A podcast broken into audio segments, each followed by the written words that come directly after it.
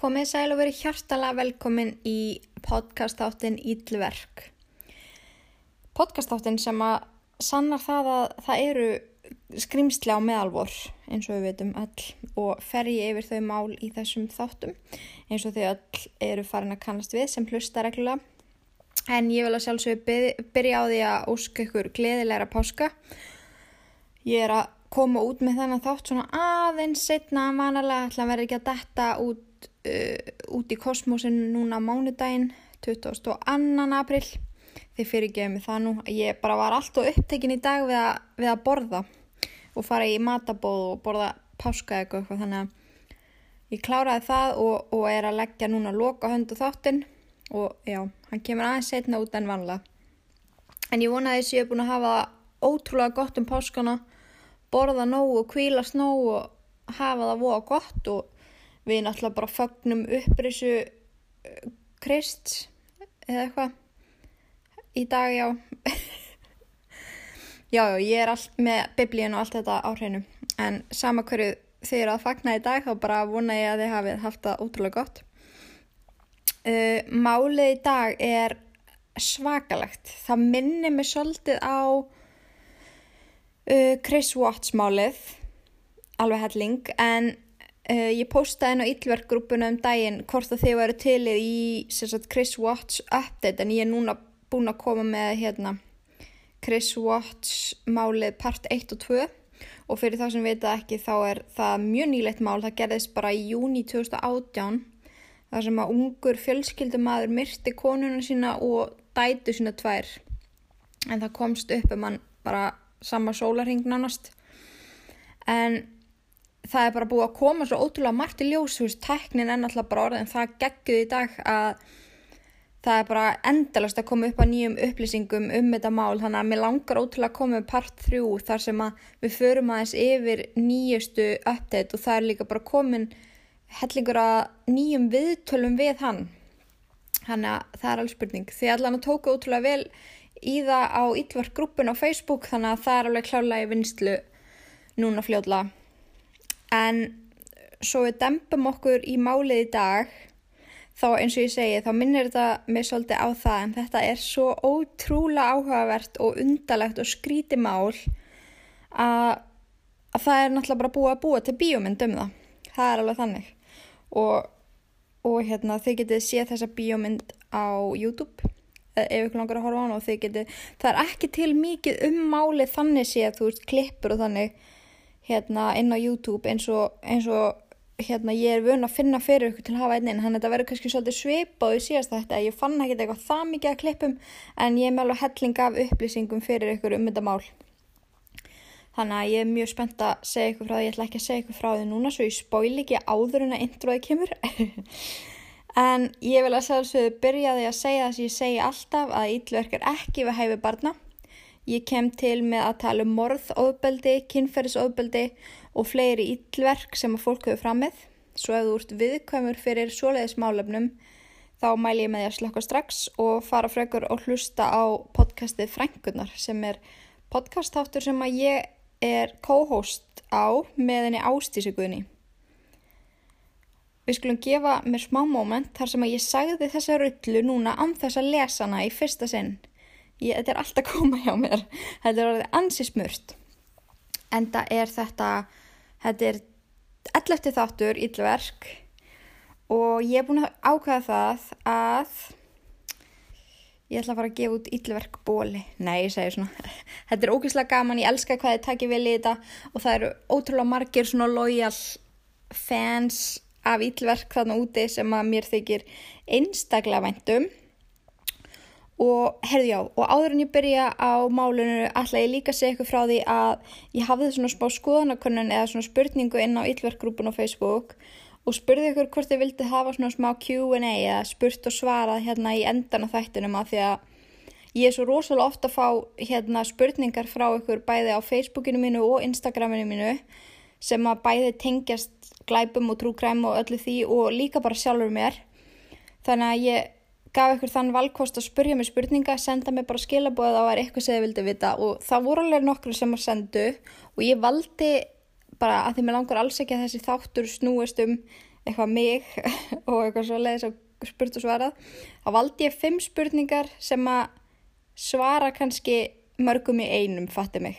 Þannig að ég endan á þettinum ætla ég að taka nokkra þannig og ég skal láta ykkur vita þegar ég byrja því. Þannig að þeir sem nennar ekki að hlusta þannig geta skipað eða slögt en allavega þá fáið að kynast mér pínlítið betur í lokin á þættinum og hver ég er. E, í rauninni viti bara að ég heiti Inga Kristjáns og er trúkremperi en það er kannski bara nóg að vita það þurfu ekki að vita neitt meira. Allavega því fáið smá fróðuleik í endan á þættinum. En við skulum bara vinda okkur í þetta og fara yfir málið hans John List. Take it away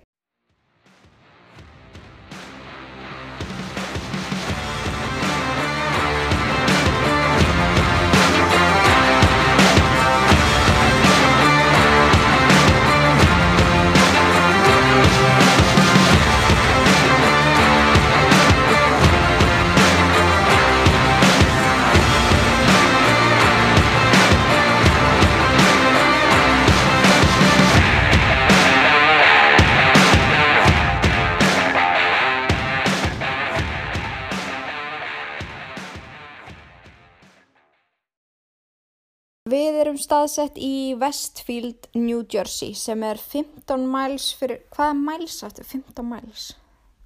Það er allavega eitthvað fyrir utan New York og það er á heima fjölskylda sem heitir The List Family sem var að lifa ameríska draumin.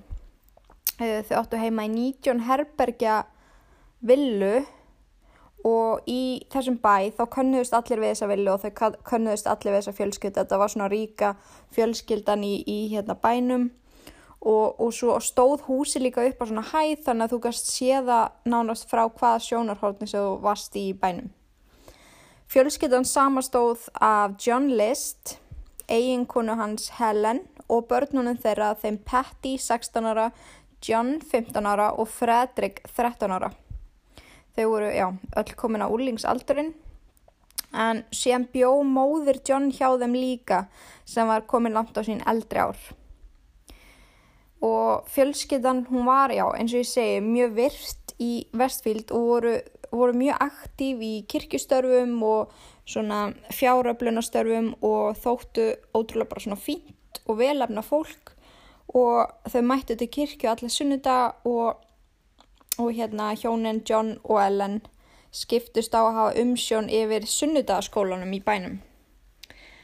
Á meðan Helen var svona hressa hávara konan sem var í öllum kvennfylum, þið veitir hvernig típu ég er að tala um. Þá var John meira svona þögglatýpan sem gekk ótrúlega vel í vinnu eða svona, hann allavega var vel mentaður og svo leiðis og sá fyrir fjölskytunni og hann var, já, einmitt, svona stórlags í augum bæjarbúa en hún er með líst sem algjörum herramanni sem gerði allt til að hjálpa öðrum. En í nóvember, eða 9. nóvember 1971 barst bref til skólastjóra barnana um að fjölskyttan þurft að bregða sér út af bænum í nokkra vekur til að sjá um fjölskyttumellem sem var bara á bara síðustu metrónum, hann var svo veikur. Og alltaf læg með það þau bara fenguðu þetta bref og þarna þú veist, var skólinn ekkert eitthvað að ringja tilbaka, bara fengu bref frá þessari virstu fjölskyldu og auðvitað bara tóku því. Og en fólki sem að þekkti þau og svona vina hjá þeirra og svo leiðis, heyrðu svo bara ekkert meira í þeim. Og villan stóð bara og það var ekkert að fretti kringa og rengi bílar en þú veist, það var samt allt upplýst, það var, þú veist, kveikt ljósinn og og svo þegar þú veist vikuna fór að líða og það var bara alltaf kveikt ljósinn þá fóruðu svona slokna koll af kolli hvort það, veist, það er bara sprungi perurnar eða eitthvað svo leiðis og þegar fjórar vikur voru liðnar frá því að skólinn fekk brefið fór fólki að vera svona frekar órótt um hvað var lítið activity hérna í kringum húsið. Og fólkið mitt sem að þekktu fannst þetta eitthvað skrítið af því að þú veist að var eitthvað svo skrítið að taka krakkana úr skólanu svo lengi og einmitt skilja allt eftir kveikt og fólki svona grunaði að mamman uh, mammans Johns væri þú veist heima. Um, en hérna uh, já þá hérna fjölskyttu vinir hafðu samband við lauruglana bara til þess að tjekka hvort það væri ekki alltaf lægi, þú veist, hvort það, hvort það væri ekki allt í feldu og hérna þegar þeir fóruð ánga þá leit allt bara eðlilega út og þeir hafðu samband bara við lauruglustöðuna, ringdu tilbaka og bara já, þú veist, það er, það er ekkert aðtöðavert í gangi þarna. E, þá var sagt að myndið á bara, heyrðu, það er gömul kona sem að býra þarna hjá, hjá þeim og veist, hún er ekki alveg heil heilsu þannig að veist, er, við erum hrættur um að ef hún er þann inni veist, það sé ekki alltaf læg þannig að það væri mjög gott bara að tjekka þau til þess að bara fyrirbyggja allan miskilning og þeir fundu leiðin í húsið í gegnum ólæstan glukka á hliðinni á húsinu. Og þeir bara skimuði yfir neðstu hæðina en þetta var sérst hús á þrem hæðum sko risahús með 19 svefnherbyggjum og fjórum baðherbyggjum og eitthvað svona bull. Og það kom svona, þú veist það var greinlega svolítið sprungið af ljósum á næri hæðinni þannig að það kom svona skema af efri hæðinni niður þannig að þeir gáttu svona hortið kringu sig þeir sá kannski ekki eitthvað sérstaklega vel en þeir þurftu ekki að nota húst vasaljósi sín þarna. Þeir fóru svo í gegnum eldúsið og þá sáu þeir blóð svona eins og mjög upp þarna blóð. Þeir náttúrulega þekkja hvernig það lítur út. En, en blóði var sérst svona í dyragættinni á milli eldúsins og setustofunar en þau voru með svona reysastótt eldús og svo gegstu innum svona hörð hérna inn í setustofu eða þar sem að var svona stórt bord til að setja við og þannig. Og þarna einmitt hérna ég var að hlusta viðtölu við þess að lauruglu menn sem að hérna fóru á fyrstir á vettvang og þeir segja frá því að þau, þau bara var farið að líða frekar illa og eitthvað nefn voru með kaldan hroll og, og þeir eitthvað nefn vissi ekki alveg hvað þeir var að fara að koma að en þeir eru alveg fundið eitthvað svona skrítna tilfinningu. Og það sem gerði þessu upplöfin ennþá verri og það sem heyrðu náttúrulega strax og þeir komu inn í húsið að það glumdi svona há klassisk tónlist alveg þýlít hátt stilt sem kom ykkur staðar úr húsinu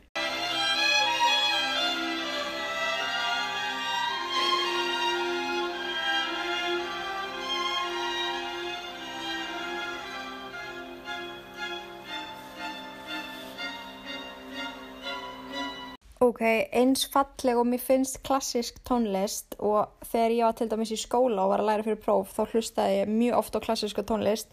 En getið þið samt ímyndað ykkur að vera staðsettur inn í einhverju reysastóru húsi sem er ekki beint nálagt neinum öðrum húsum, það er allt dimmt að nynni þú svona sérði ekki alveg í kringu þig, þú veist ekki alveg hvað er að fretta og síðan er þetta bara stilt á hæsta þetta er rosalega creepy þess vegna var því að setja þetta inn í hérna fyrir utan bara hlusti á þessu klipp og ímyndið ykkur að vera í þessari stöðu. Þeir voru öruglega frekar skelkaði sko, ég hef allan verið að ég, ég hef aldrei þórað að fara að þinn reyndar.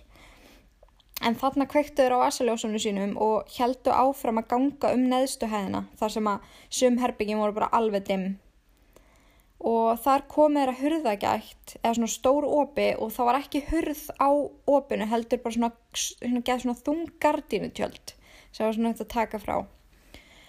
Og þar tóku mótið um alveg risastórt rými sem leit út eins og bara svona visslisalur og það kemur að mitt í ljós að þeir nótu þennan sal emitt fyrir húst ammælisveisliður og, og eitthvað svona starra og þetta var alveg risastórt pláss með arinn, eld og eitthvað svona rosa flott og ok, myndi eitthvað núna að vera labbaðnin hlusta á mjög hávara klassiska tónlist og það sem blasti við þeim þegar þau fóru að lýsi kringu, kringu sig inn í herbyggi er sjón sem að þeir munu aldrei gleyma en það lágu fjögur lík á golfinu á sveppókum og andlitið þeirra var hulið og þeim var raðað upp svona geð fullkomla svona þrýr voru lagðir þversum og svo bara beintur ofaðu Nei, hérna þrý voru hérna langsum og svo beint fyrir ofan þeim var einn þversum. Og, du, du, du, já, og síðan kom í ljós að Helen var þessi sem var þversum og svo voru börnin, listbörnin þrjú, liggjandi þarna fyrir niðan hana. Patti, John og Fredrik. Þau höfðu öll verið skotin í höfuðið einu sinni en John, yngri, virtist að verið skotin oftar þar sem að hans lík let, uh, hérna, leita alveg helmingi verð út en hinn Lauruglumenninni ringdu strax til að fá backup og tilkynntu þeir að þeir hefðu komið að massmörder í listvillunni. Þarna hafðu þeir ekki fundið John nýja móður hans ennþá og ákveður að halda áfram að leita í húsinu. En eins og ég sagði að hann þá var húsi á þrejum hæðum með 19 herbyggjum og, og það var ansið margt sem þurfti að skoða til að finna og þeir skiptu liði og ég skrifa ángriðsina inn í svega bara hver myndi þóra að skipta liði? Djöðl þarf það að vera höra ekkur ég, vá. Þetta er bara, þú veist það hræðið mig bara að setja hérna og lesa þetta. Ég fyrir að sjá þetta svo mikið fyrir mér, þetta er fucking creepy. En já, þeir bara einmitt skipta liði og fara að leita og þeir voru með að baka eira að sá sem gerði þetta væri ennþá í húsinu, þú veist, þeir náttúrulega vissu ekkert hvað var langt síðan þetta gerðist, þeir vita ekki þarna að það eru fokkin fjórar vikur síðan þetta gerðist. Þannig að þeir, hú veist, þeim fannst alveg líklegt að, að svo sem gerði þetta væri þarna bara eitthvað starf og, og bara þegar þeir kíkja baki hverja einstu hurð segður opna, er þeir bara búast við ykkur bara hoppi á þá eða hvert hort segði líta hérna hjá býðar eftir ykkur stökku á þá. Og þeir segja það líki viðtali að hérna kveikmyndin Psycho hafi verið nýkomin í kveikmyndahús og þeir höfðu báðir farið og horta á þessa mynd. Og aðurinn í myndinu voru ennþá svo ótrúlega fersk í, í minninu þeirra að þeir gátt ekki annað en líkt vettvanginum við óþægilega, óþægilega svona bregðaðri í myndinu þannig að veist, það hefur ekki hjálpað að vera nýbúin að horfa á okkur hræðilega hryllingsmynd sem var eiginlega bara snýtt út úr nösunni á þessum vettvangi en það kom mjög fljótlega bakka upp til að hjálpa þeim og eftir 45 minútur að leit á annari hæð 45 mínútur að leita á annari hæðinni, spáði því. Þá fóraður upp á þriðju til að halda leitinni áfram. En þar fundi þeir íbúð svona í vinstra, eh, já, vinstra megin í húsinu og þessi íbúð hafi verið gerð fyrir 95 ára gamlu Ölmu sem er móðunast Johns eldri. Og þar lág hún með skótsar í höfðinu og það má sjáð húst á líkamstellingunni hennar að, hann, að hún hafði svona kannski reynd að byggja fyrir lífið sínu eða eitthvað svo leiðis þar sem að hún hefði dóttið svona nýra á hnýjan og dóttið svo aftur fyrir sig. Þannig að fólk er eitthvað búið að spekulera hvort hún hefði farið nýra á hnýjað og verið að byggja hann um að hlýfa sér eða eitthvað svo leiðis en maður náttúrulega veit það ekkert en síðan, já, þarna bara eru allir fundnir, þeir eru allir eru dánir, en hvar er John? Þú veist, hvar er hann? Þau halda árum að leita og þau þurfa ángrist bara að leita í nokkrar mínútur viðbútt því að á þriðuhæðinu finna þeir skrifstofu hans John og á borðinu þar, skrifborðinu, finna þeir bref, fimm blaðsjör af nákvæmlega því sem að gerðist og hann bara skefur ekkert ofan að því hvað hann gerði og tekur fulla ábyrð á þessu, á þessum glæp. Uh, hann stílar þetta bref á, á hérna prest sem hann var að vinna ótrúlega mikið með og hérna þetta var svona trúnaðamæður en þessi, prestur og það er einmitt hérna raugrætt um það í réttar höldum yfir honum og í frettum svona eftir á að þetta hefði verið trúnaðabrestur að skoða brefin sem voru stíluð á prestin. Það voru náttúrulega ekki margir með því liði þeirri skoðun en það var alveg nokkri sem voru bara, já það er alveg, veist, allan svona ofsatrúar. Að það þótti ekki, ekki mjög hérna vel séð að það hefði verið farið publicly með þessi bref sem að átti að vera trúnaðamál en þú veist, það er annar mál. En Já, í breyfinu tekur hann bara fulla sög á lífláti fjölskyttusinnar og segir að þetta hafi verið eitthvað sem hann taldi sér neyðast til að gera. Hann sagði frá því að hann væri gældróta, alveg að þetta er gældrót og alla þeirra eigur eruðu mjög fljótt bara teknar og hann vildi bjarga fjölskyttunni sinni frá skömminni. Skömminni sem fylgdi því að vera fátek og hann bara gæti ekki hugsa sér að vera með þann stempil að vera fátekur. Hann vissi að með því að taka lífið þeirra þá væri hann að senda þau öll beint til himna. Jáp. Um, og hann, hann segir einmitt frá því bara það er allt og margt illt í heiminum og ég vildi bara venda þau frá því illa og það besta í stöðinni og það eina var að taka lífið þeirra. Og hann segði líka frá því í brefina hann hefði, hann hefði alveg íhugað sjálfsvík en með því væri hann að senda sjálfa sig til helvítis beint því að sjálfsvík væru eiginlega bara ótrúlega eigingjall hlutur og bara illur hlutur og hann væri í rauninu bara að fara mjög illa með sjálfa sig með því að gera. Hann segir þetta með svona bros og vör í viðtali sem ég horfið á við hann. Fokkin ógæðslega náðungi en í enda brefsinn skrifa, skrifar hann sem á mjög svo spes að því að hann hann segir þetta ángriðs eins og hann sé að segja lýsaði fyrir ykkur um hvar þeir geta fundið eitthvað húsgagn sko. Því að hann segir P.S. Mamma er upp á þriðjuhæð á ganginum í íbúðinu sinni. Hún má svo þunga ég náði ekki að kominu niður í veistlösal svo hún þurfti að vera þarna. Þú veist ángriðs, þetta er bara eins og sé, hann sé að segja frá um þetta eitthvað húsgagni. En þarna var strax náttúrulega bara lísta eftir honum því að hann viðkenni strax allt sem hann gerði en, en við verðum að átt okkur því að já, hann var með mjög mikið forskot á laurugluna og í öllum blöðum á þessum tíma var bara mass murderer on the loose og enginn vissi hvað hafi orðið af honum og enginn hafi séðan og einmitt hann hefði fyrir ekki svo ógeðslega langt forskot, þú veist, næstu í fimm vikna forskot og hann gæti verið farin bara hvert sem er, sko. En tveim dögum síðar fannst Sevi Impala bifreið uh, hérna, sem að fjölskyttan átti á Kennedy flugvellinum sem, sem gaf þeim sem rannsökuðu máli það að hann hefði farið úr landi og það er það sem ergir mann alveg verulega við þessa sögu fyrir utan það að hann hafi myrst alla fjölskyttuna sína er að í 20 ár heyrðist ekkert meira frá honum eftir að þessi hérna bifreið var fundin þetta var bara síðasta lítið sem að þeir komist að. Það var, það var ekkert meira. Það var engin gögnum að hann hefði verið að fljúa, það var engin búin að sjá hann og bara núna bara líða actually 20 ár þannig til eitthvað heyrist aftur. En það var líka alveg þannig að þeir sem að þekktu þessa fjölskyttu og þá sérstaklega John, þau bara göftu þegar þau lásu hvað hann hafi gert og yngum hafi nokkuð tíma grunað að hann hefði bara ílt bein í líkamann og hvað þá hann geti gert eitthvað svona. Og fólk var bara eitthvað nei, nei, þú veist, what, þetta hlýtur að vera eitthvað bull. Og hún var einmitt bara líst sem ótrúlega miklum herramanni sem var góðmennskan uppmálu, góðu pappi sem mætti alla íþrótu viðbörði, leikrit og allt sem börnunars tóku þátt í.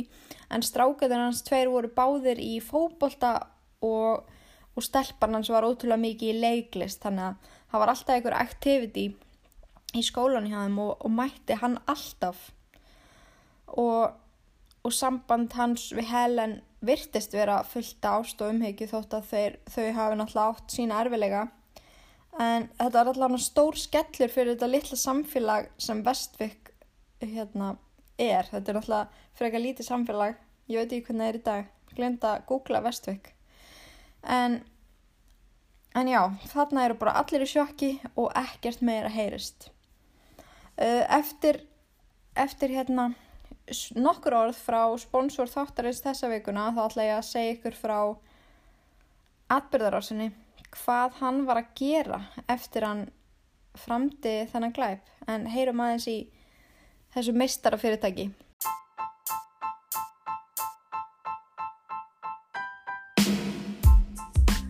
Sponsor þáttarins þessa veikuna er leanbody.is Æ, hann ennir engin að hlusta auðlýsingar. Skelltuðu bara á leanbody.is, notaðu kóðan Inga Kristjáns og gerðu geggjukaup sem tryggja þér hámars árangur. Leanbody, þín markmið, þín grein. Þið hafið nokkur sendt mér að þið hafið einmitt verslað ykkur inn á leanbody.is og séðu ótrúlega ána með það sem þið fengu ykkur og hefðu nota kóða minn sem er geggjað um að gera nýta sér allir svona kóða til að fá smá afslátt það telur alltaf en ég ætlaði bara að henda því líka inn að inn á Instagraminu mínu sem er Inga Kristjáns D er ég með gafaleg þar sem ég er að gefa mínar uppálsvörur frá Leanbody ég er að gefa 26 konar gafabref hjá Lindex og íþróttafött frá hérna Brandsson Design Uh, ég, er að, ég er að hafa hennan gafabref af því að núna 19. apríl var þið 26 ára og mér langar að hafa eitthvað svona ammæli skjafleik þannig að ef ykkur langar að hérna, eiga sensa á að vinna það þá getið skellt ykkurinn á Instagramin Instagrami mitt og tekið þátt. Bara svona smá shameless plug. En ef við höldum áfram með málið þá heldur John á þessum tímapunkti að hann sé hólpin hann var búin að ferðast um 2000 kílometra með lest. Hann sem sagt gappaði laurukluna með því að skilja bíli sinn eftir á fljóvellinum því að hann hafði aldrei farið með nefnir fljóvel hann hafði bara ferðast með lest. Og hann sest sér stað í Denver, Colorado.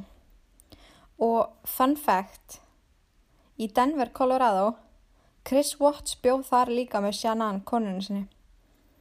Bara svona smá pæling.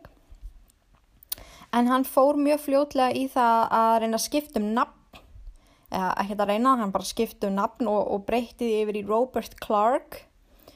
Uh, hann lokaði algjörlega á fyrralífi sitt sem John og byrjaði nokkurn veginn alveg upp á nýtt. Hann sótti um vinnu á hótel í Denver sem að hann hérna vann við að steki hambúrgara og þjóna til borðs. Og eftir nokkra mánu af frelsi og afslöpun eins og hann orðaði þetta sjálfur þá kynnist John eða Robert konu sem að hann giftist nokkru mánuðum eftir á. Ángríns, minna en ári eftir að fjölskyldun hans deyr, hafa hann giftur aftur. En svo ég segi ykkur aðeins frá John og hvað gerist þannig í millitíðinni, þá, þá hérna var hann fættur þann 17. september 1925 sem John Email, nei, Email, hann heiti bara Emil, John Emil List. Email. En hann sérst átti heima þá í Bay City, Michigan. Og hann var enga sonur þeirra John Frederick og Alma Maria Barbara. Uh, en fadur hans var bandarískur en mamma hans var þísk og voru þetta alveg einstaklega trúað og svona stramt fólk. Pappi hans var kennari í sunnudagaskólanum og eins og ég segi, mjög trúið bæðið tvö. Þegar John var 17 ára þá skráði hann sig í bandaríska herin og stóð þar í World War II. Er svona stutt séðan það var. Jésús. Uh, en allavega þegar hann lauk þjónustu sinni hjá hernum skráði hann sig í háskólan í Michigan og fjekk þar bachelorgráði í viðskiptafræði. En hann hafiði mjög ungur aldrei áhuga öllu svona fjárrags dóti og, og hérna business tengdu. Og fljótlega eftir útskrið þá fekk hann vinnu sem fjármálastjóri hérna fjármálastjóri frá, hjá stóru fyrirtæki. Það er sagt frá því um já þetta var mjög áhugaverið punktur. En sérst í umfjöldum um hann veist, og fólk sem að vann með honum í, í hérna, fyrirtækjum þar sem hann var fjármálastjóri og annað þá er þá er sagt að hann hafi verið að vinna sem húst, í sama starfi hjá yfir fimm fyrirtækjum en öll hefðu sagt honum upp fljótlega eftir aðningu. Ekki af því að hann var eitthvað að skila illa sér eða vinna illa eða mæti illa heldur þá hafði hann svo stór undanlegan personleika að fólki fannst óþægilegt að vinna með honum. Og fekk forstjóri fyrirtækina endalisa kvartanir frá bæði konum og körlum að þau gæti ekki hugsa sér að vera nálatunum og veist, þetta var ekki eitthvað svona kynferðslega áreitni eða eitthvað þannig þau fengu bara, þeim leið bara úslega óþægilega nálatunum þannig að veist, hann var bara oftar en ekki rekin og hann var rekin bara yfir yfir fimm sinnum, ég er ekki með alveg nákvæm að tölu en hann skipti rosalega mikið um minnu bara af því að það vildi enginn hafa hann. En árið 1950 þá kynnist hann fyrir eiginkonu sinni Helen Morris Taylor sem var þá 25 ára gömul. Og hún var ekka en maðurinn hennar hafi látið lífið í stríðinu. Hann var sérst líka að vinna í því. Þrejum mánuðum eftir að þau kynntust eða þann 1. desember 1951 þá giftist þau og fluttust til Norður Kalifornia þar sem John fór að vinna í öðru fjármálafyrirtæki eða fjármála starfi í fyrirtæki og, og það kemur fram einmitt setna mér að húnum hafi ekki langa að giftast Helen eftir svona stuttan tíma og á þessum tímapunkti. Og hann hefði bara alls ekki verið tilbúin til þess og húnum hafi fundist þrýr mánuði bara allt og stuttu tími. En húnum fannst hann svona hérna hann vera svolítið krúin til að giftast henni því að hann var náttúrulega rosalega trúaður. Og, og hérna hún hefði sagt honum að hún heldi að hún væri ófrisk þannig að hann mátti náttúrulega alls ekki egnar spöll fyrir utan hjónaband, fattiði mig. Það, það hefði letið mjög ítla út fyrir hans standard í samfélaginu eða eitthvað þannig.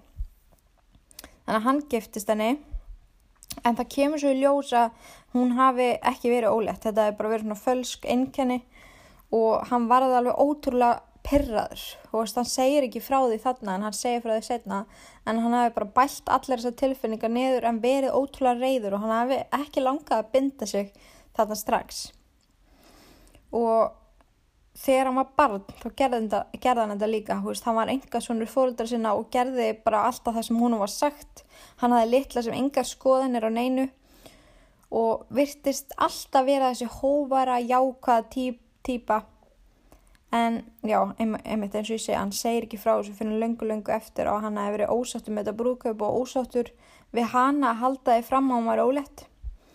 Og, en á næstu fjórum árum eftir brúköp voru þau komið með þrjú börn sem fættust öll með mjög stuttu millibölu. Það hefði bara verið einhverjir tíu mánuður á milli eða eitthvað svo les. Og þessum nokkur árum skipti John mikið vinnur eins og ég segði hverja aðan. Hann var bara, það var alltaf verið að reyka og hann reyndi alltaf aftur og hann þurfti mjög oft einmitt að rýfa fjölskytuna sína upp með rótum og flytja til þess að geta sendt störfum sem hann fjekk og þetta var orðið þannig á tímabili að hann var bara sótt um og ef hann fekk starfið þá fór hann bara hvert sem, hvert sem hann þurfti að fara til þess að geta verið í, í vinnu. En hann fór svo að vinna hjá fyrirtæki sem heitir Xerox sem er hérna fjár, stórt svona fjármála banka fyrirtæki eitthvað skonar og þar var hann að vinna sem svona vice president sem að, að það var alveg frekar góð staða. Og þegar lín, nýju launasælanir fór að koma inn þá flutti hann með fjölskyldunum sína í mannsjónuð sem, sem að þau fundust fyrir látin í og þessi villa hétt 431 Hillside Avenue í Westfield.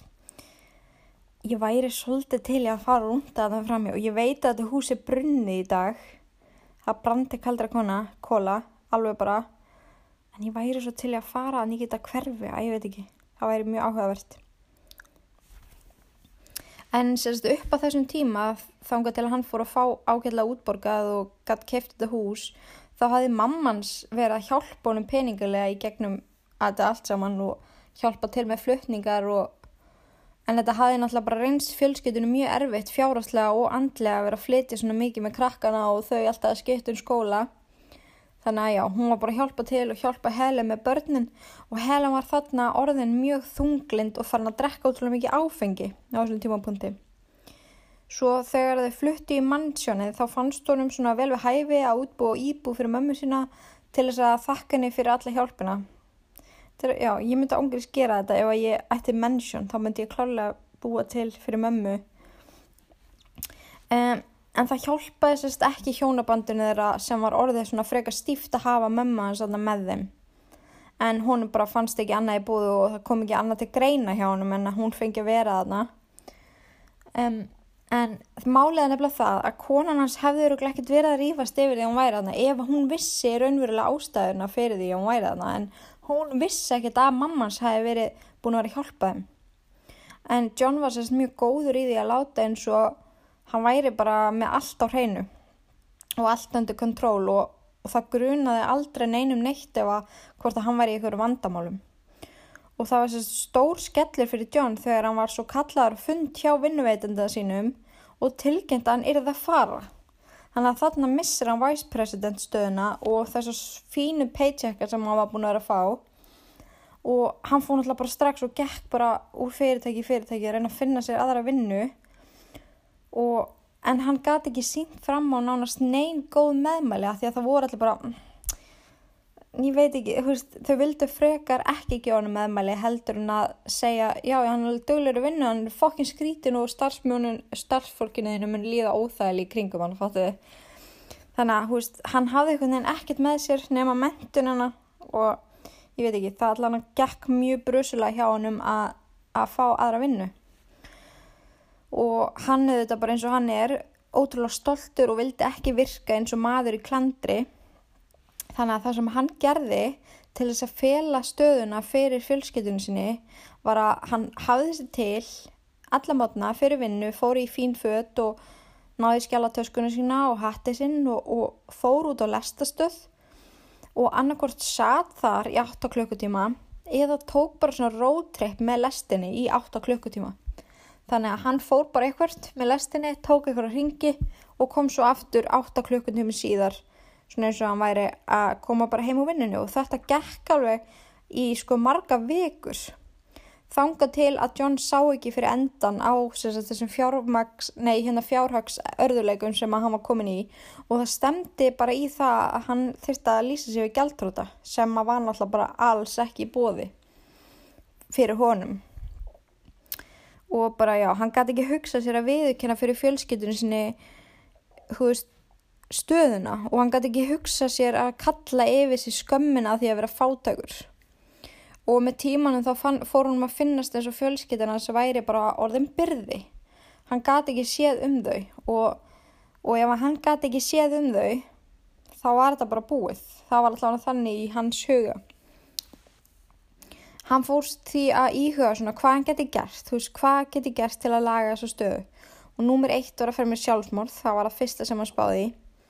En hann var svona freka fljótur að gleyma þeirri hugmynd þar sem að hann taldi ef hann, ef hann færi að drepa sjálfa sig þá fær hann beint til helvitis af því að eins og ég sagði ykkur að þá var það bara það var bara íllverk að fremja sjálfsmorð þú veist, flest, já, einmitt. Hef, hann hefði frekvært að gera það bara. En númið tvö var að láta, láta sig bara hverfa skilja fylskiptunum sína eftir og sem að myndi þá endanum bara enda í höndum ríkisins þar sem að konan hans var bara mjög langt leittur algi á þessum tíma og krakkandi bara öll undir átjanóra en hann var líka ljót, hérna fljótur að hætta við það þar sem að eins og ég var búin að segja 20 sinum þá fannst honum fátækt vera bara svona synd og skömm. Og að hans mati ef hann myndi skilja þau eftir þá myndi sálinn þeirra bara verða engu og þau færu til helvitis hvort sem er.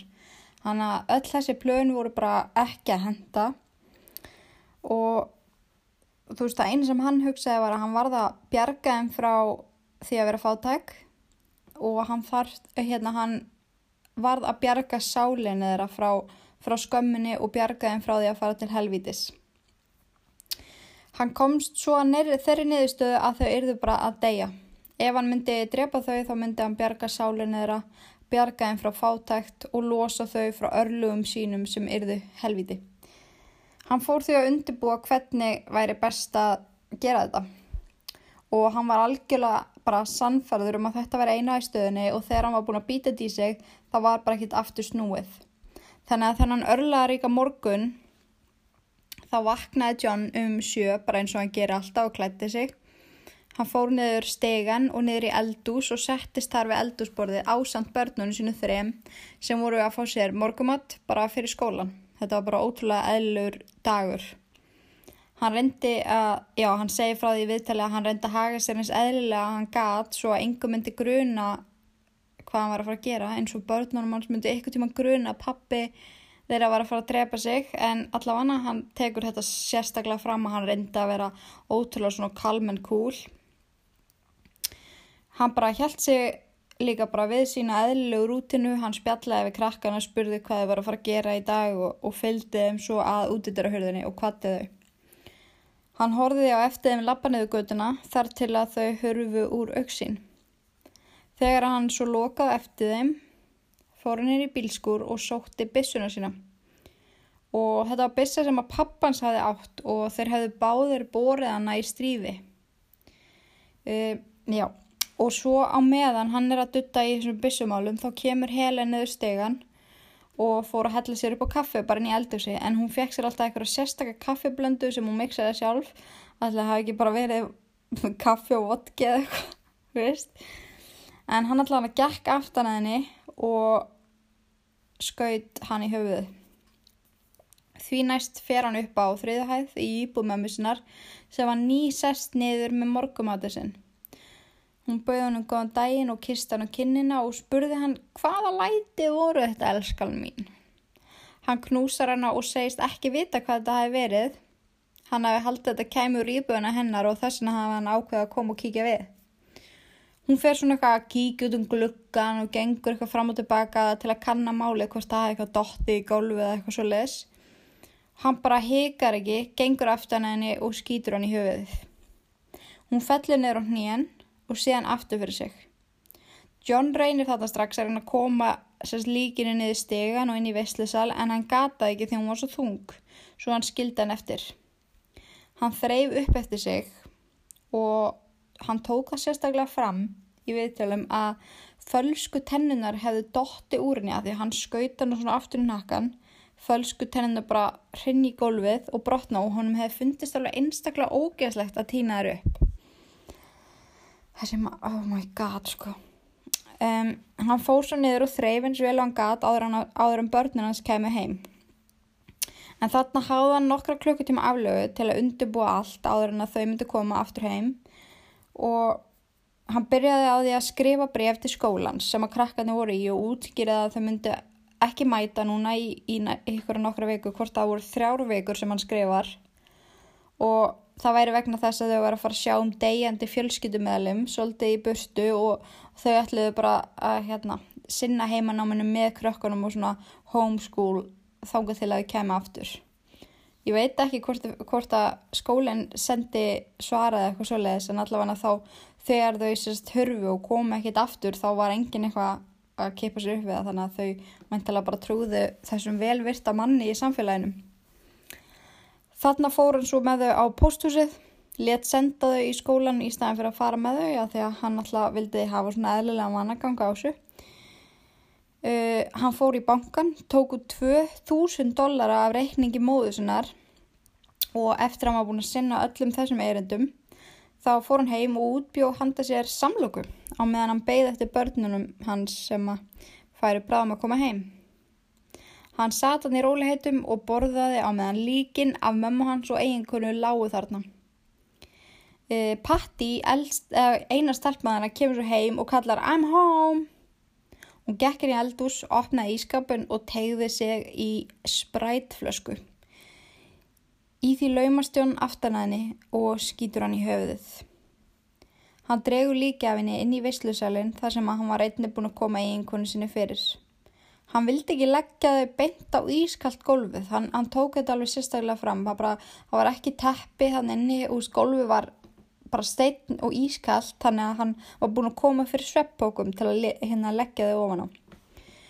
Uh, því næst kom yngsti sonur þeirra heim, segið Fredrik og kallar, kallar líka I'm home. Hann var varðla komin inn, um, inn úr andrinu þegar fadur hans skýtur hann í höfuðið og dregur líkið hans líka til hinna. En John sérst vissi að eldri sonur hans, John Yngri, kæmi ekki heim alveg strax þar sem hann var að fara að keppa eftir skóla í fókbólta með liðinu sínu.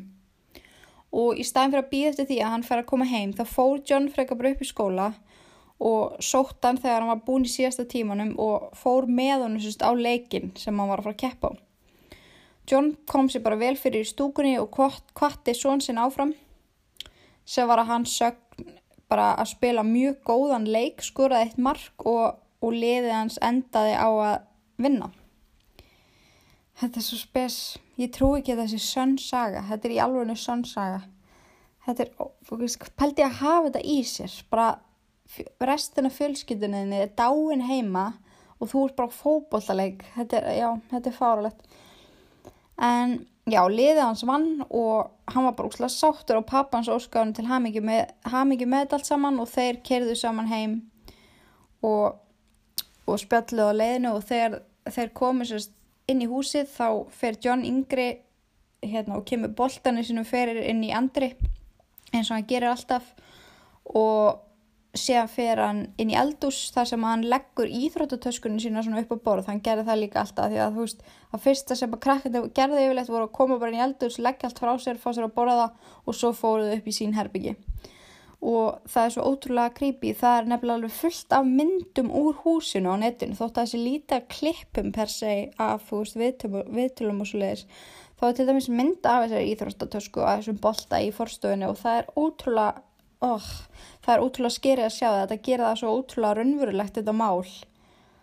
En en áður en að John næra snúa sér eftir að hann lætur töskuna upp á borð þá skýtur pappans hann í höfuðið. Og skotið fór grannlega ekki á nógu svona feital stað eins og hjá hinnum, eins og John Eldri segir, hann bara já þetta var eitt skot í hvern og allir bara duttu niður en hann gerði það ekki, hann, hann gaf frá sér hljóð og fór að hreyfa sig og reynda að standa aftur upp og hann fríkaði bara út og planið hans mátti ekki fara að klikka núna á, í síðasta skrefinu og þau urðu öll að deyja. Eh, það mátti ekki eitt er að lifa af, þá færi þetta allt í vaskin. En hann endaði sérst á að skjóta svon sem tíu sunnum til að ganga í skugga um að hann væri öruglega látin. Hann dró svo lík svona sinns inn í vestlusalinn á samt restinni af fjölskytunni.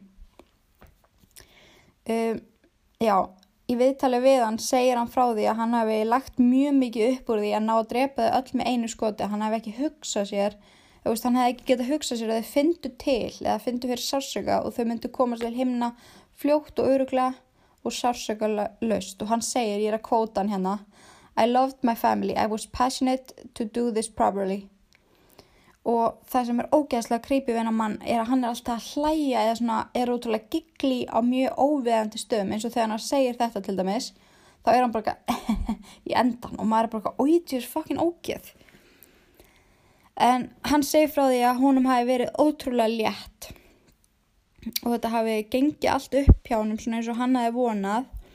Og hann náði einhvern veginn loksins að slaka á hann fór inn í eldús og fekk sér meira að borða eftir að hann var búin að klára þetta allt saman hann segi sjálfur að hann hafi náði að borða í ró og næði í herbygginu þar sem hann náði að senda fjölskytuna sína til heimna eftir máltíðan að gekk hann frá í eldúsinu vaskaði upp eftir svo svona eins og maður gerir og fór síðan upp í svefnherbyggi þegar Helen, hann háttaði sig og sopnaði djúft og vært og hann segi sjálfur að það hefði verið eitt besti svepp sem hann hefði nokkuð tíman fengið. Hún var svo óendalega létt og fjölskyttarnas var loksins í góðum höndum. Hann hafi gert góðverk.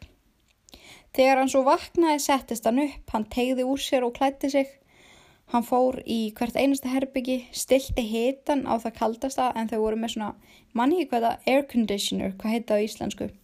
Þau allan að voru með þannig í öllum herbygjanum. Hann stilti það á kaldasta til þess að koma í veg fyrir að líkin myndu rótna strax. Hann kveikti hvert einasta ljós í húsinu og fór svo í stofu og kveikti á sinu uppbólst tónlist sem var klassisk róandi tónlist. Hann taldi að með þessu, þessum skrefum myndi hann tefja það að eitthvað myndi finna þau. Þegar fólk sæði ljós í húsinu og hefði tónlist myndi að strax halda að einhver væri þarna inni. Hans síðasta verk var að fara uh, inn á skrifstónu sína og skrifa brefið sem hann stílaði svo á prestin um, sem hann var að vinna með. Brefið sem að lauruglan fann svo mánuði síðar. Ugh, en já... En eins og ég sagði ykkur á þann, þá ferðast hann um 2000 km í burtu hérna frá hérna, heimabæsinum og settist það í Denver, breytt um nafn og held áfram að lifa sínu lífi og hann segi frá því að hann hefði alls ekki séð eftir því hvað hann hefði gert. Þetta hefði stundu poppað upp í höfuð á hann en fjölskyttan sem hann átti var einhvern veginn bara orðin svona fjarlæg minning og hann var ótrúlega þakklátur fyrir að fá að lifa í ró og næði. Og hann náði að lifa svona ekki 15 ár, ekki 16, ekki 17, ekki 18 hann láði að lifa svona í 20 ár. Spáði því hann fannst ekki í 20 ár. Og 1985 var Robert Clark eins og hann hétt þá giftur og farin að vinna aftur sem fjármálastjóri. Og náttúrulega bara í, á hverju ári í öll þessi ár þá kom frett í blaðinu á þú veist dánadaginn þeirra að hann var ekki fundin og, og bara vitið hvað hann er, hafið síðan, veist, hann er enþá laus og, og það voru mjög margir líka bara rannsökuleguruglumenn sem voru bara svona obsessed á því að finna hann. Og þetta mál það varð aldrei kallt í raunin, það var alltaf verið að vinna í því á einn eða annan hátt. En þeir voru einhvern veginn einhver nær hvað hann væri haldina því að það voru einhvern veginn ekki til nein, neitt um hann. Og síðan 1989 þá byrjuðu ógesla vinsælir þáttir, þættir sem að þið viti pottit um sem heita sagt, America's Most Wanted en þetta voru bæði mjög vinsæli þættir og árangusríkir þar sem að þetta var bara svona þáttur þar sem að var auðlist eftir fólki og það var bara, þetta hjálpaði því lit mikið að hérna finna alls konar fólk. Og hérna þeir sem voru búin að vera að rannsaka málið hans John, þeir sóttu eftir að fá að auðvisa eftir honum sem, en þeir var neitað aftur og aftur þar sem þetta var bara einhver random kall sem engi var búin að heyra um eða kannast við.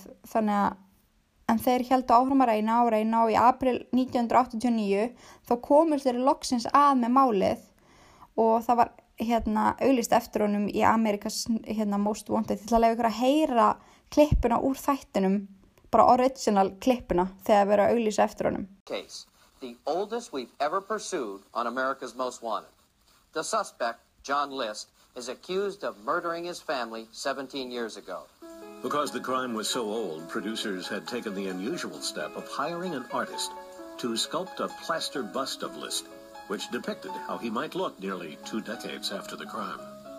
List is described as a quiet, soft-spoken man, the kind who wears a shirt and tie to mow the lawn. John List remembers watching the program from his home in Richmond. I saw the tail end of it. I saw that it was about me and saw the bust that they had. I was surprised at how accurate it was. I didn't realize that they had that technology. eins og þið heyrðu kannski klippinu þá segir hann sjálfur John List í endan að hann hafi verið sjokki yfir því hvað skúlptúrin sem var búin til af höfðun á honum þar sem að listamæður reyndi að finna út hvernig hann geti mögulega litu út í dag þá var hann í sjokki yfir því hversu líkt þetta var en uh, Amerikas Most Wanted var í rauninni þátturinn sem kom upp um hann En John var sérst mjög mikill aðdándi af þessum þáttum og hann horfið á hvern einn og einasta og gerði oftar en ekki bara matabóð úr þessum kvöldum sem að þeir voru síndir og bauði nágrunni sínum yfir í mat og horfið með þeim. Og hann er með því á sér hann þátt og honum fannst þetta bara magna hvað þetta var nákvæmt. En hann var samt ekkert það áhyggjufullur um að það er komist upp með hann. Það var búið, veist, þetta var búið að líða svo langt á milli og hann var einhvern veginn ekkert stressaður yfir þessu.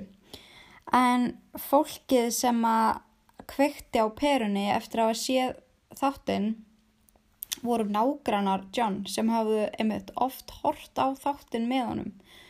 Þau ringdu inn og sögðu að þeim finnist hann nákvæmlega eins og líkanið og þeim finnist að þeir ætti að aðtöga þennan tiltekna mann betur.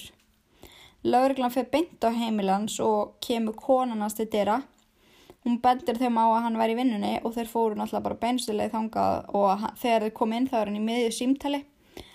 Hann skellir á og hlæra þeim þegar þeir söðust halda að hann væri John List. Hann bara, nei, hvað er þetta? Og, og neytar allir sök og þau beðið hann um að koma með sér upp á stöð bara til að fá fingraför. Þeir voru, að, þeir voru bara, ok, ef þú ert ekki hann, megu þá bara fá fingraförinn og svo ertu bara laus allra mála en málið er að fingraförinn sem að hann gaf smell pössuð við þau sem voru til í gagn, gagnagrunni lauruglu sérst frá John List hvort það hefði verið fyrir augurskýstuna hans eða eitthvað svo leiðis og þetta var til bara í gagnagrunnum 29. júni 1989 var John List handtekinn frettin af handtökunni fór náttúrulega bara eins og eldur um senu og það mátti sjá bara umfjallanir um þetta út um allt og bara öllum helstu miðunum, þú veist skiljanlega, þetta er eitthvað sem að fólk var búið að býða eftir í mörg, mörg, mörg ár og lauruglumenn sem höfðu unnið að málinni næstum 20 ár fögnuði að þetta skrimsli að vera loksins komið baki lásuslá og hann var náttúrulega bara strax eftir hérna í fangelsi og þá voru sálfræðingar sem að töluðu við hann og reyndi svona að greina hvað, þú veist, væri aðan og hann var greindu sérst með obsessive compulsive personality disorder sem er mjög áhugavert að því að obsessive compulsive um, um, sérst, já, þessi þessi tiltakna greining er hérna OCD nei, einmitt jú, personality disorder.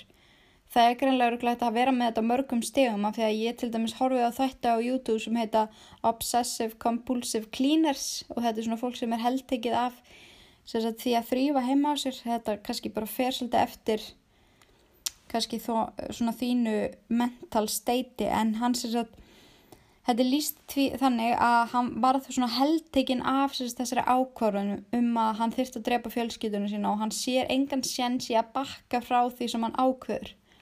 Alveg eins og compulsive cleaners þeir bara, það er ekki sjans að þeir geti sleppt í að riksu að gólfið ef þeir þurfa að gera það, fattiði mig. Og það er þetta svona uh, obsessive compulsive veist, þetta er bara svona manneski sem er heldtekinn af hlutunum og hann er greindu með svoleiðis. Ég fann ekki neinar aðra greiningar en hann hlýtur að vera mjög langt lettur því að eðlert fólk með OCD er ekki, er ekki svona. Það er bara það er ekki ég er að segja þótt að ég sé að segja ykkur frá þessum en fyrir rétti þá hérna þegar hann, já, fara fyrir rétt þá var reynda að sanna það að hann hefði verið andlega veikur sem hann augljóslega var.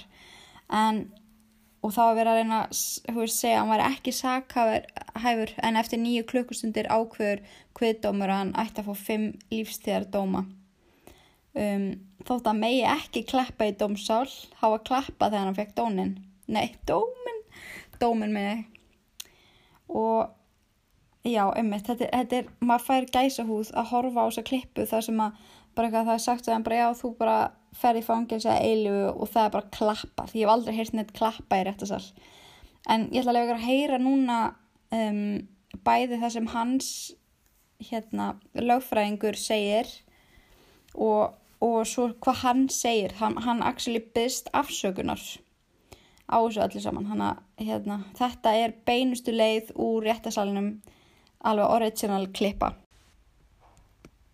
But a psychiatrist, a witness for the prosecution, testified that List carried out the murders with a sane, cool mind. Dr. Stephen Simmering said List told him in a recent interview how he killed his wife. And today it was the most dramatic testimony of the trial, and it came from the prosecution psychiatrist. Dr. Stephen Simmering interviewed List at length, and in riveting testimony today, told the court what List told him. Yeah, he had debated the options, weighed them uh, at, for at least three weeks, and had finally arrived at a decision, uh, had secured the weapons, the ammunition, and decided that he would do it. It was a horrible thing. But once I started, I was like on auto or auto drive. I killed all of them. It was as if someone had taken a key and unlocked the mind of a serial killer. He made very elaborate plans to carry out the killings in a uh, serial fashion. He did not want two of the family members to be present at the same time. I remain truly sorry for the tragedy that happened in 1971. I feel that due to my mental state at the time, I was unaccountable for what happened. En já, þetta skrýmsli fór í fangelsi. Hann var þar þangað til hann dó. Hann dó þegar hann var 85 ára. Það var 2008. Og já, þetta er, þetta er mjög sérstakt mál. En eins og ég sagði fyrst, þá fannst mér þetta minna mig smá á Chris Watts málið. Að þetta er eitthvað svona maður myrði fjölskyldun sína og maður fattar ekki alveg ástæðina. En ég verða að koma því að í endan að það komist upp sérstu upplýsingar um, aðeins svona síðar þegar var fyrir að rannsóka húsi áður að það brann en þetta er svona ógeðslega perrandi að vita þetta en, en á heimilinu þeirra voru sérst listmunir og fullt að rondur dóti og gólfið í veislu, nei hérna, hérna lofti í veislisalunum var búið til úr einhverjum sérsteiftum marmara sem að einhver hönnuður hefði gert.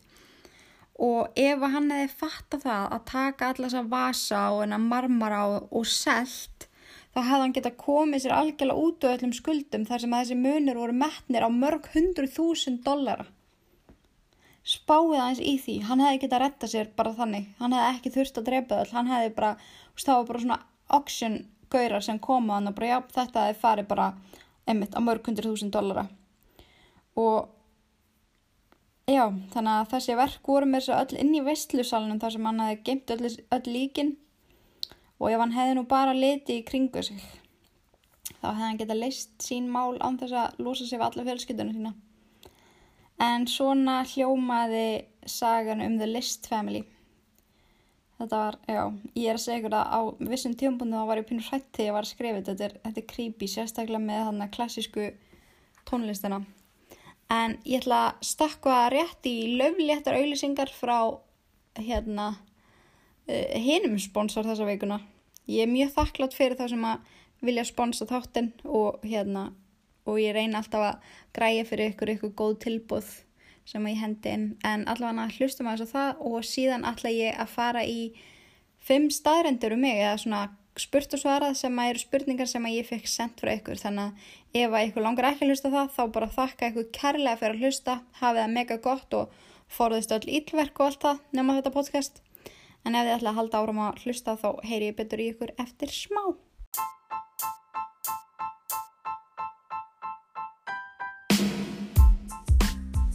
Vissir þú að rannsóknir sína að 80% hvenna ganga í vittlurössi stærð af brjóstraldra? Lindex býður upp á fría mælingu og faglega ráðgjöf við að finna rétt snið og rétta starf fyrir þig. Puss-up, spangalus, silki eða blunda, í Lindex finnur þú þinn eina rétta. Kíktu við í næstu verslun og nýttu þér þessa fráböru þjónustu. Lindex. We make fashion feel good. Ok, ok, eru þið tilbúin að kynnast mér aðeins betur? En ég fekk á fínan bunga af spurningum. Sumar komu nokkur sinnum og, og ég vona að ég geti svara svona einmitt. Mörgum í einu með að svara þessum fimm spurningum sem ég valdi úr hérna þessu öllu saman. Og bara svo þið viti að þá megið alltaf spurja með ekkur þið megið alltaf senda mér á Facebook eða Instagram ef það er eitthvað sem þið viljið spurja með og svo einmitt bara nota ítverkgrúpuna fyrir alls konar spjöll og, og þannig. En fyrsta spurning sem ég fekk var, mannstu hvaða má letið, letið fá áhuga á trúkræm? Og oh my god, já, ég man alveg nákvæmlega hvaða var sem að vakti áhuga minn á þessu málefni. En það er uh, Sönn Íslands sagamál. En þegar það kom sér satt fyrst út á stöð 2, þá var ég of ung til að horfa á þetta.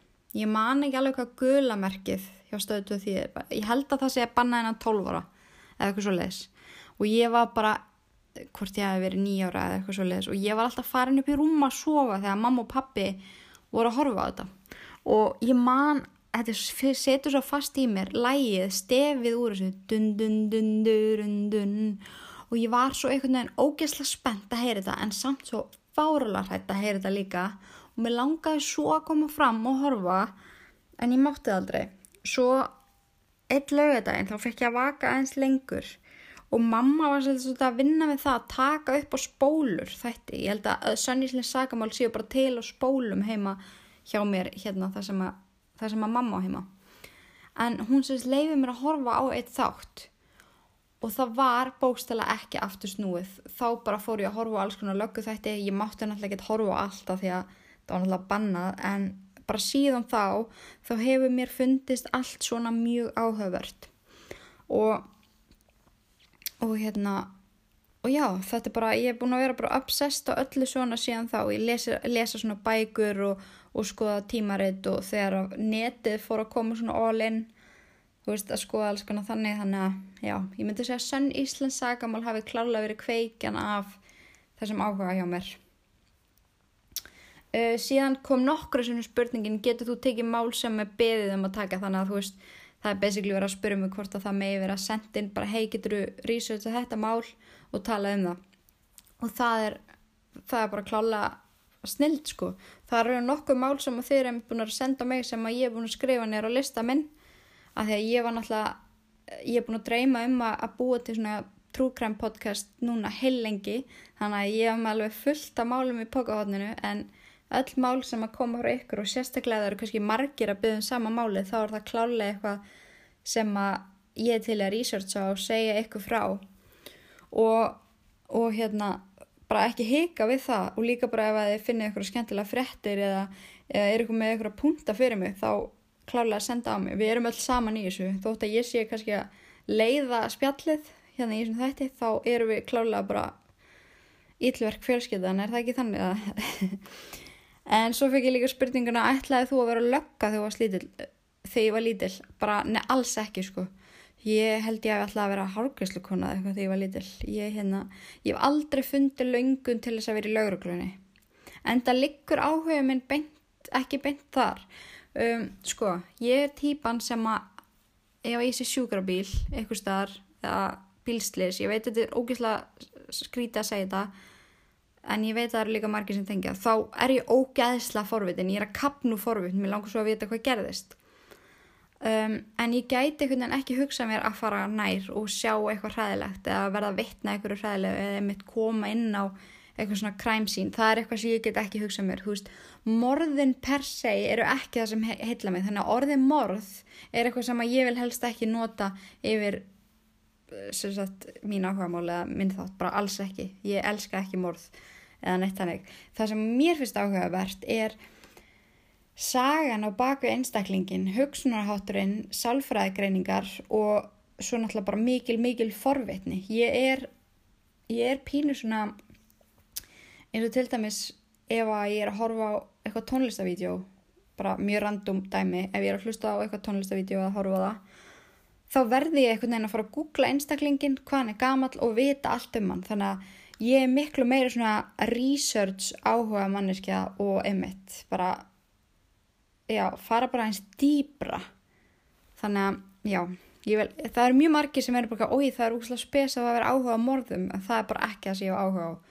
Og, og hérna, ég veit að lögreglur hafa náttúrulega ekki áhuga á morðum af því að spurningi var upprunlega alltaf þú var að lögga, lögga en alltaf bara tek ofuna fyrir þeim sem eru lögreglur og, og hérna og minnst það bara gegga það sko en nei, það er ekki það sem að það sem að mér langaði svo ég sé svo ég svari nú spurningunum. Ég minna að ég ætlaði að vera hárgræsleikona en það hefur allt breyst síðan þá.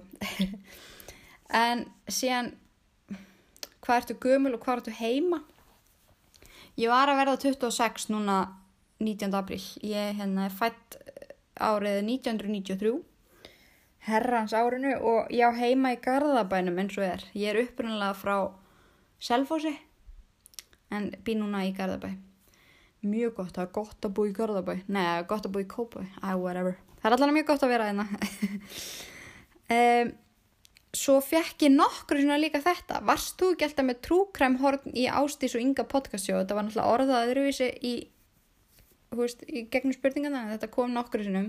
En jú, ég var sér að sko, þetta var sér þannig að Ástís sendir á mig fyrir mörgum mánuðum bara hvort að henn, hú veist, hvort að okkur langi, eða hvort að mér langi að gera eitthvað svona með henni, eitthvað sniðt og ég strax, og ég man alveg sérstaklega eftir því þegar hún sendir þetta á mig, þá er ég bara, já, mér langar óksla búið til podcast, og ég var búin að hugsa þetta ótrúlega lengi, ég var búin að hlusta á fullt af trúkræm podcastum og ég var bara, mér langar svo að gera þetta, en ég veit ekki alveg hvernig, veist, geti ég verið eini í og þannig, þannig ég svara bara strax, ég þekkt hann ekki neitt það og bara já, ég hérna gerum podcast og hún var óksla til það.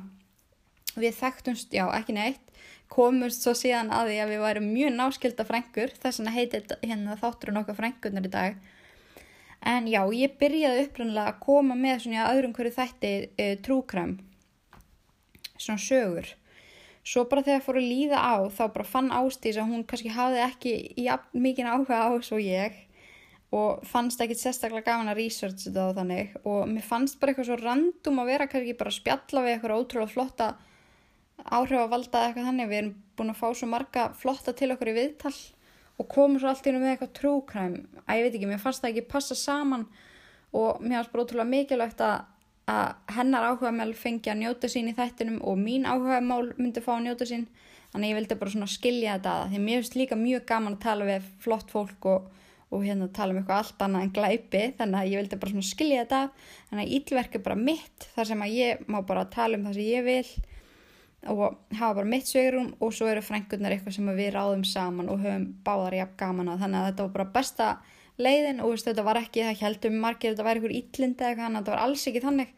Þetta er bara stundu þar maður að, að hérna, bara gera hlutina sjálfur bara til þess að fá að hafa það eins og maður vill og hérna, einmitt bara sína fólki verðingu, henni fannst ekki gaman að researcha það, það ekki að fara pínana til þess þannig að það var basically bara sagan á baku það, þannig að En frængunar eru en það í gangi, við breytum sérst nafninu yfir í, í frængunar úr Ástís og Inga podcast sjó að því að við erum, sko, amma mín og afi hennar eru sískinni. Við vissum þetta ekki. Þannig ég grætti þarna eina geggiða frængu og síðast kom Fannidóra til okkur hérna viðtal, þetta er mjög skemmtilega þetta þetta er svona einmitt á léttari nótunum þannig að ef að þið eru ekki fyrir crime en eru svona mjög mikið fyrir mig þá getur þið fara að lusta en allavega þetta var svona smáið mig, ég vonaði að það kynst mér eitthvað betur og ef það er eitthvað fleiri sem þið vilja vita þá náttúrulega bara sendið á mig. En annars langar mér eins og ég sagði að hann ekki að þessi þáttur snúst um mig og neitt nátt, þetta er bara true crime all the time. En ég held að við segjum þetta bara fínt í byli og ég vil bara þakka ykkur kærlega fyrir að hlusta, þeir eru frábær algjörlega bara geggjuð og ég vona bara að þið hafið það sjúklega gott og, og muniði bara það að forðast öll ílverk nema að sjálfsögðu þetta podcast. Bye!